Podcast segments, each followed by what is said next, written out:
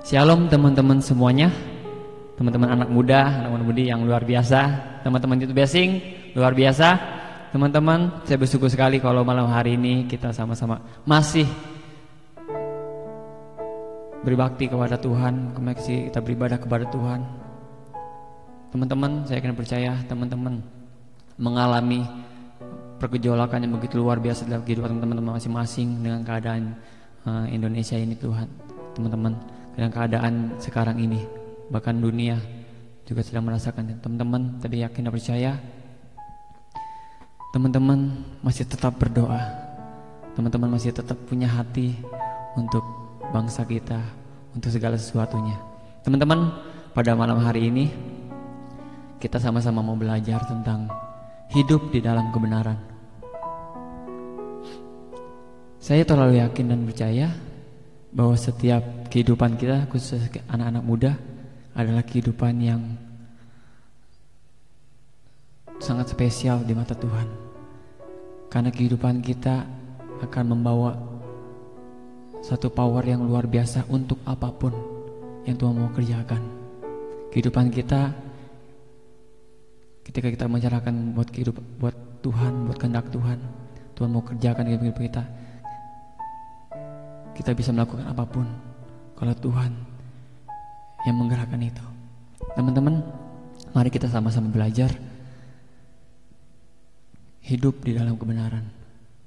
Menjadi satu hal yang tanda kutip hal yang sulit dan susah untuk saat-saat ini untuk anak muda. Tapi saya yakin dan percaya kalau anak-anak mudanya Tuhan peka akan setiap kehendak Tuhan. Teman-teman semua pasti mau mengerjakannya. Ketika teman ketika Tuhan berbicara kepada teman-teman. Teman-teman tiga poin uh, yang saya mau sampaikan. Hidup dalam kebenaran. Kita mau belajar dari banyak tokoh Alkitab yang luar biasa yang Tuhan mau sama-sama kita belajari yang pertama Daud. Daud seorang yang muda yang biasa aja. Dia cuman punya beberapa kambing domba untuk digembalakan. Tetapi Tuhan naikkan dia menjadi raja Israel. Bukan semata-mata dia langsung naik teman-teman tapi karena Daud punya hidup dalam kebenaran saya mau menyamakan opini dulu sama teman-teman semua. Bahwa kebenaran itu adalah firman Tuhan. Kalau saat-saat ini setiap anak-anak muda mungkin kita dapat situasi dan kondisi yang sangat-sangat jarang sekali atau sangat-sangat apa ya saya bilang sangat-sangat uh, tanda kutip susah untuk kita perkatakan ini kebenaran atau bukan. Ya, contoh kasus saya mau kasih tahu. Ketika orang lain menjahati kita, orang lain menyakiti kita, menjadi satu hal yang wajar ketika kita marah atau mungkin kita mau membalas ya. Menjadi satu hal yang manusiawi banget sih kayaknya ketika kita mau membalasnya. Tapi ketika firman Tuhan bilang ketika kita ditampar pipi kiri Tuhan ajar kita kasih pipi kanan kita. Tuhan mengajarkan kita segala kejahatan untuk kita balas dengan kebaikan jadi kita mau samakan persepsi kita, kita mau samakan tentang kebenaran itu. Bahwa hidup dalam kebenaran cuma satu, yaitu hidup di dalam firman Tuhan Yesus Kristus. Dalam firman. Jadi teman-teman dalam situasi apa pun yang mungkin teman-teman masih merasa ini gue manusia manusiawi banget gue lakuin ini ketika gue dijahatin gue marah lah manusia banget. Tapi ketika Tuhan berbicara langsung pada kalian, ampuni, ampuni, itu yang harus kita kerjakan. Satu, hidup dalam kebenaran yang harus kita tahu. Yang pertama yaitu kita harus hidup dalam panggilan Tuhan. Teman-teman saya mau ajak teman-teman belajar dan meneladani seseorang yang dekat dengan kalian. Gak usah jauh-jauh, tokoh-tokoh yang mungkin menginspirasikan, gak usah jauh tapi tokoh-tokoh yang yang kalian kenal yang dekat saja. Untuk youth blessing, kalian bisa teladani para leader-leader kalian ya kalau para para leader kalian memakai hari-hari biasa malam minggu dia memakai buat pelayanan bahkan rajin untuk pelayanan setiap malam minggu datang. Mereka masih muda mereka masih bisa melakukan aktivitas tapi mereka memakai malam minggu untuk Tuhan. Kita apa sih bisa kayak gitu? Kita ambil lagi. Kita meneladani Coach Charlie ketua youth blessing kita. Jangan saya bilang jangan jauh-jauh untuk kita meneladani segala sesuatu supaya teman-teman meremah dalam kehidupan teman-teman Mengapa, ngapa dia pakai kehidupannya? Saya bilang tadi masih muda tapi uh, dia pakai untuk youth blessing, untuk melayani di blessing. Dia bisa pakai apalagi dia pakai kehidupannya buat di gereja. Masih muda dia bisa pakai apa mengerjakan apa pun bisa ditukar dengan uang banyak dengan sekuler apa pun tapi dia pakai Terus kelihatannya suatu hal yang tidak ada hasilnya, tetapi saya mau katakan di dalam kerajaan hal kerajaan surga itu adalah hal perbuatan yang bersah. Kita mau meneladani teman-teman hidup dalam panggilan akan kalian rasakan hal-hal yang mungkin yang tidak semestinya tanda kutip tidak semesti kalian lakukan. Ngapain malam minggu saya harus ibadah? Ngapain setiap kebebasan saya saya pakai untuk melayani Tuhan yang kelihatannya tidak ada hasilnya gitu-gitu aja.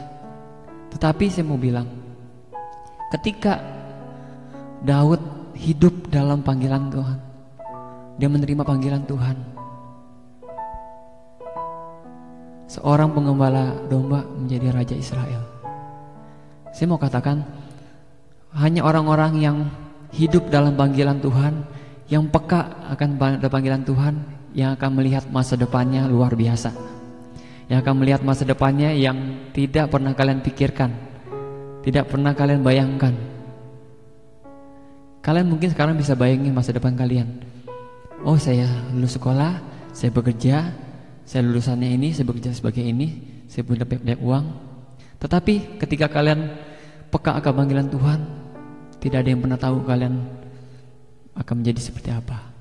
Bisa aja kalian bisa menjadi alatnya Tuhan yang luar biasa, yang Tuhan pakai khususnya di tengah muka bumi ini.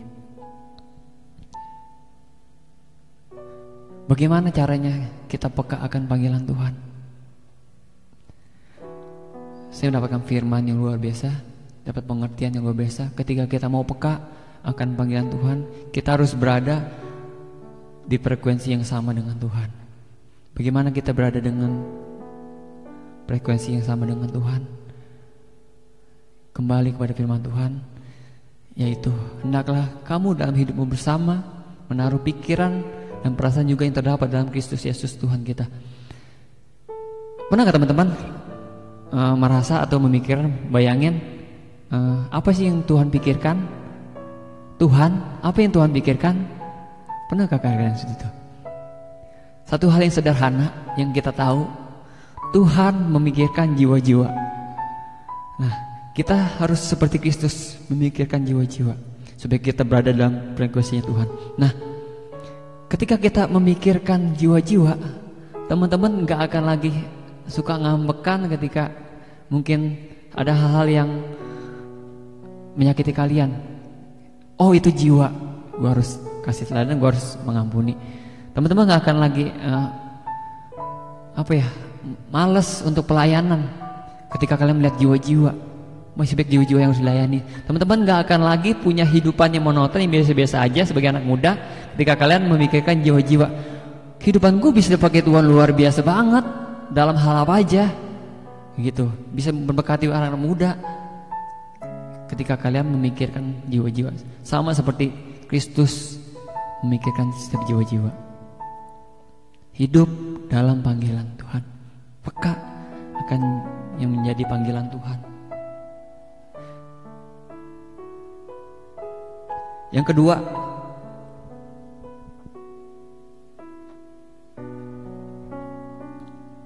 kita mau baca di 2 Korintus 4 ayat 1 dan 2 yang yang pertama oleh kemurahan Allah kami telah menerima pelayanan ini karena itu kami tidak tawar hati. Yang kedua tetapi kami menolak segala perbuatan tersembunyi yang memalukan. Kami tidak berlaku licik dan tidak memasukkan firman Allah. Sebaliknya kami menyatakan kebenaran dan dengan demikian kami menyerahkan diri kami untuk dipertimbangkan oleh semua orang di hadapan Allah. Yang kedua adalah hidup di dalam terang. Saya ketika merenungkan poin kedua ini saya benar-benar nangis. Hidup di dalam terang. Teman-teman, naturalnya kita sebagai anak Tuhan, kita harus hidup dilihat banyak orang. Karena cuman sesuatu yang berada di dalam terang yang bisa dilihat oleh semua orang. Ketika kalian hidup dalam kegelapan, gak ada yang bisa ngelihat kalian. Kalian samar, bahkan orang lain akan salah paham, salah mengira ketika kalian hidup dalam kegelapan. Kita harus hidup di dalam terang. Sebagaimana diri kita, kita harus hidup dalam terang. Naturalnya, kehidupan kita harus sesuai dengan kebenaran firman Tuhan. Kita harus memikirkan bagaimana setiap umat, setiap anak-anak muda dapat rajin membaca Alkitab melalui diri kita. Ketika mungkin teman-teman kalian banyak yang sudah lama tidak membaca Alkitab, tidak menunggang firman Tuhan. Saat itulah kehidupan kalian harus menjadi firman Tuhan yang terbuka, menjadi lembaran ayat-ayat firman Tuhan. Hidup kita harus di dalam terang. Tidak ada kepalsuan, tidak ada samar-samar. Dan cuma sesuatu yang dalam terang yang bisa menerobos kegelapan dan membawa setiap apa pun yang ada dalam kegelapan masuk dalam ke tempat yang terang.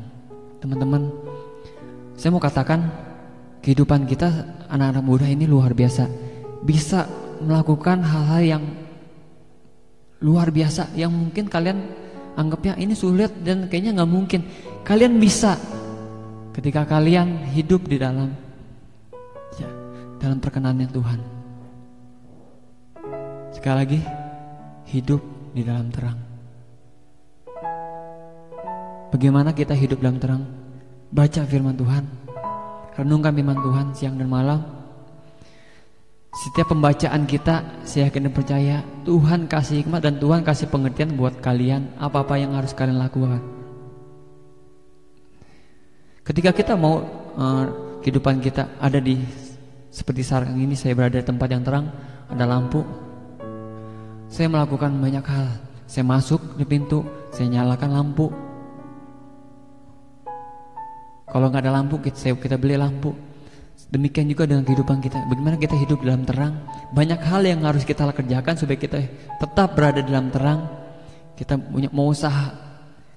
Kalau kalian tidak tahu bagaimana cara kita kembali lagi renungkan firman Tuhan. Tuh firman Tuhan yang akan menjabarkan setiap penglihatan bagi kita. Yang ketiga, hidup dalam pelayanan. Teman-teman, ketika kita tahu kehidupan kita ini bukan milik kita lagi, kita harus tahu bahwa kehidupan kita untuk melayani Kristus, melayani Tuhan yang telah menebus kita.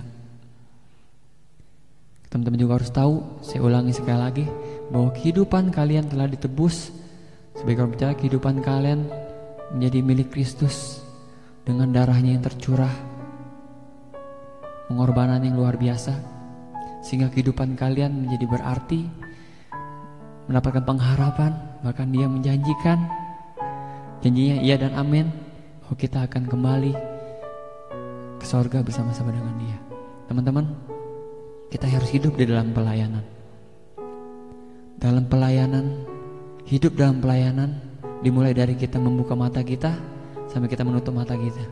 Apa pun yang kalian kerjakan, ketika kalian berhikmat kepada Tuhan sekali, sekali lagi kembali kepada firman Tuhan, apa pun yang kalian mau kerjakan, kalian tahu hidup dalam pelayan hidup untuk melayani Tuhan. Ketika kalian buka pintu keluar dari rumah, kalian melihat tetangga kesusahan, Tuhan berbicara, kasihi dan beri pertolongan.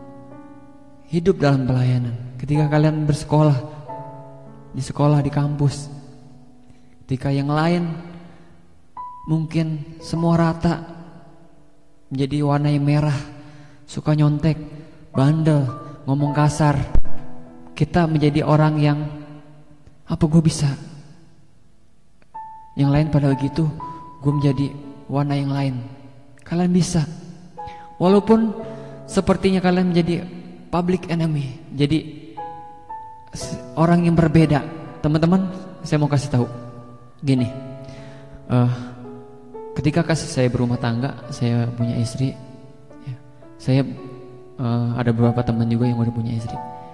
Uh, sebelum saya punya istri, kita biasa main nongkrong dengan teman-teman kongko ngobrol segala macam ketika saya punya istri ada ada hal-hal yang uh, di luar normal kita lakuin yaitu kita uh, nongkrong nggak begitu malam dan kita pulang lebih cepat nah mungkin uh, beberapa orang bilang kayak gini teman saya satu yang udah married juga gitu wih jadi bahan ledekan gitu Wih dia udah pulang, udah apa? Udah udah ada udah ada istrinya gitu pulang. Jadi kayaknya jadi kayak nggak asik. Satu hal yang mungkin kelihatannya uh, apa ya? Satu hal yang mungkin kelihatannya kayaknya nggak asik gitu, nggak bisa ngobrol ngobrol. Tapi berjalannya waktu dan itu kembali lagi ke dalam pendengaran saya itu menjadi berkat. Maksudnya dia dapat pengertian sama, dia itu menjadi menjadi suatu pelajaran pelajaran yang baik buat yang belum merit. Ini baru baru aja malam malam tadi malam saya ngobrol ini da, dan teman saya yang belum merit ini dia merasa terberkati. Kalau dia ketika dia punya keluarga, dia ingat waktu dia uh, dia bersama dengan keluarganya itu pun menjadi berkat. Yang mungkin tanda kutip kelihatannya uh, udah nggak asik lagi tapi itu menjadi berkat. Ya teman-teman saya mau kasih tahu hidup dalam pelayanan teman-teman jangan pernah takut untuk menjadi seseorang yang berbeda ketika yang semua yang lainnya sama melakukan tidak kebenaran. Kita harus hidup dalam pelayanan, dalam kebenaran. Kita harus melayani Tuhan, melayani sesama. Apa pun yang Tuhan mau kerjakan dalam kehidupan kita, kita kerjakan untuk melayani Tuhan. Teman-teman, saat-saat ini kita uh, sedang mengalami masa-masa yang terus berpacu ya negara kita Indonesia. Sebentar lagi juga kita mau menjalankan uh, yang disebut dengan new normal. Ya, menjadi satu pembahasan yang sangat hangat sekali untuk dibicarakan saat-saat ini, teman-teman. Dan malam hari ini kembali kepada firman Tuhan yang telah sama-sama kita baca pada malam hari ini. Apa sih yang harus kita lakukan untuk eh, masa-masa seperti ini. Apa yang harus kita perbuat dan apa yang harus eh, kita sumbangsi, apa yang harus kita cermati untuk saat-saat ini. Teman-teman, sebelum lebih jauh, saya mau katakan teman-teman bahwa hikmat Tuhan, saya yakin percaya pertolongan Tuhan, hikmat Tuhan ataupun Tuhan sendiri itu ada kepada pemimpin-pemimpin kita kepada bangsa Indonesia. Dan saya akan juga bahwa pemerintah bangsa Indonesia pasti kasih yang terbaik buat bangsa Indonesia, buat bangsa kita. Teman-teman. Ini belum banyak dibahas, tapi mungkin pasti menjadi pro kontra. Ya, pendapat ini, pendapat itu, pendapat ini, pendapat itu. Ya, saat ini yang saya mau sarankan, yang saya mau share teman-teman apa yang harus kita lakukan, kita tetap hidup di dalam kebenaran, kita hidup di dalam hikmatnya Tuhan, apa yang kita lakukan. Ketika pemerintah menjalankan new normal ini suatu hal yang nggak biasa kita lakukan, tetapi menjadi suatu yang normal buat kita.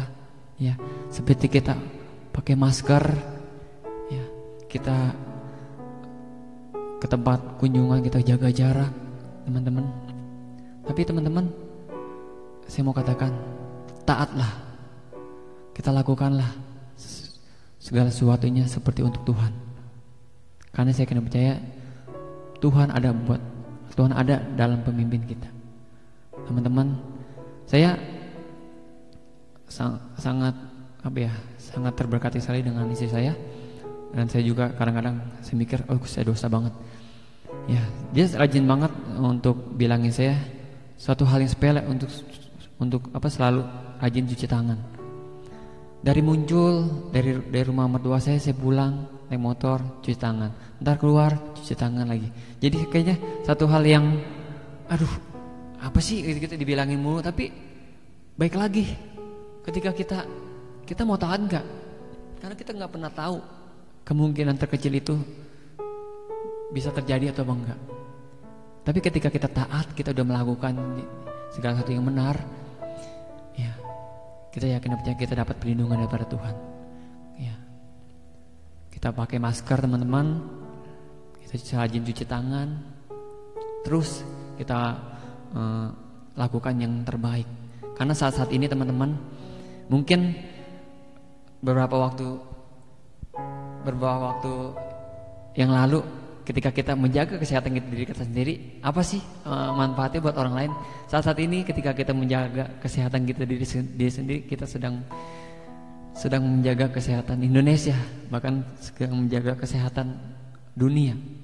Kita sedang berperan aktif untuk dunia ini ketika kita care sama diri kita sendiri. Ketika kita mawas diri ketika kita melakukan hal yang benar kita sedang melakukan peran kita untuk bangsa untuk dunia ini teman-teman. Jadi kita sekali lagi berhikmat kepada Tuhan. Singkat saja kita berdoa kepada Tuhan. Tuhan apa yang Tuhan mau kerjakan dalam kehidupan saya Tuhan? Bahkan sedetail apa pun sedik, sekecil apa pun Tuhan jabarkan itu buat saya Tuhan agar saya dapat melakukan hal yang benar melakukan hal yang sepatutnya Tuhan kendaki Sekali lagi teman-teman, hidup dalam kebenaran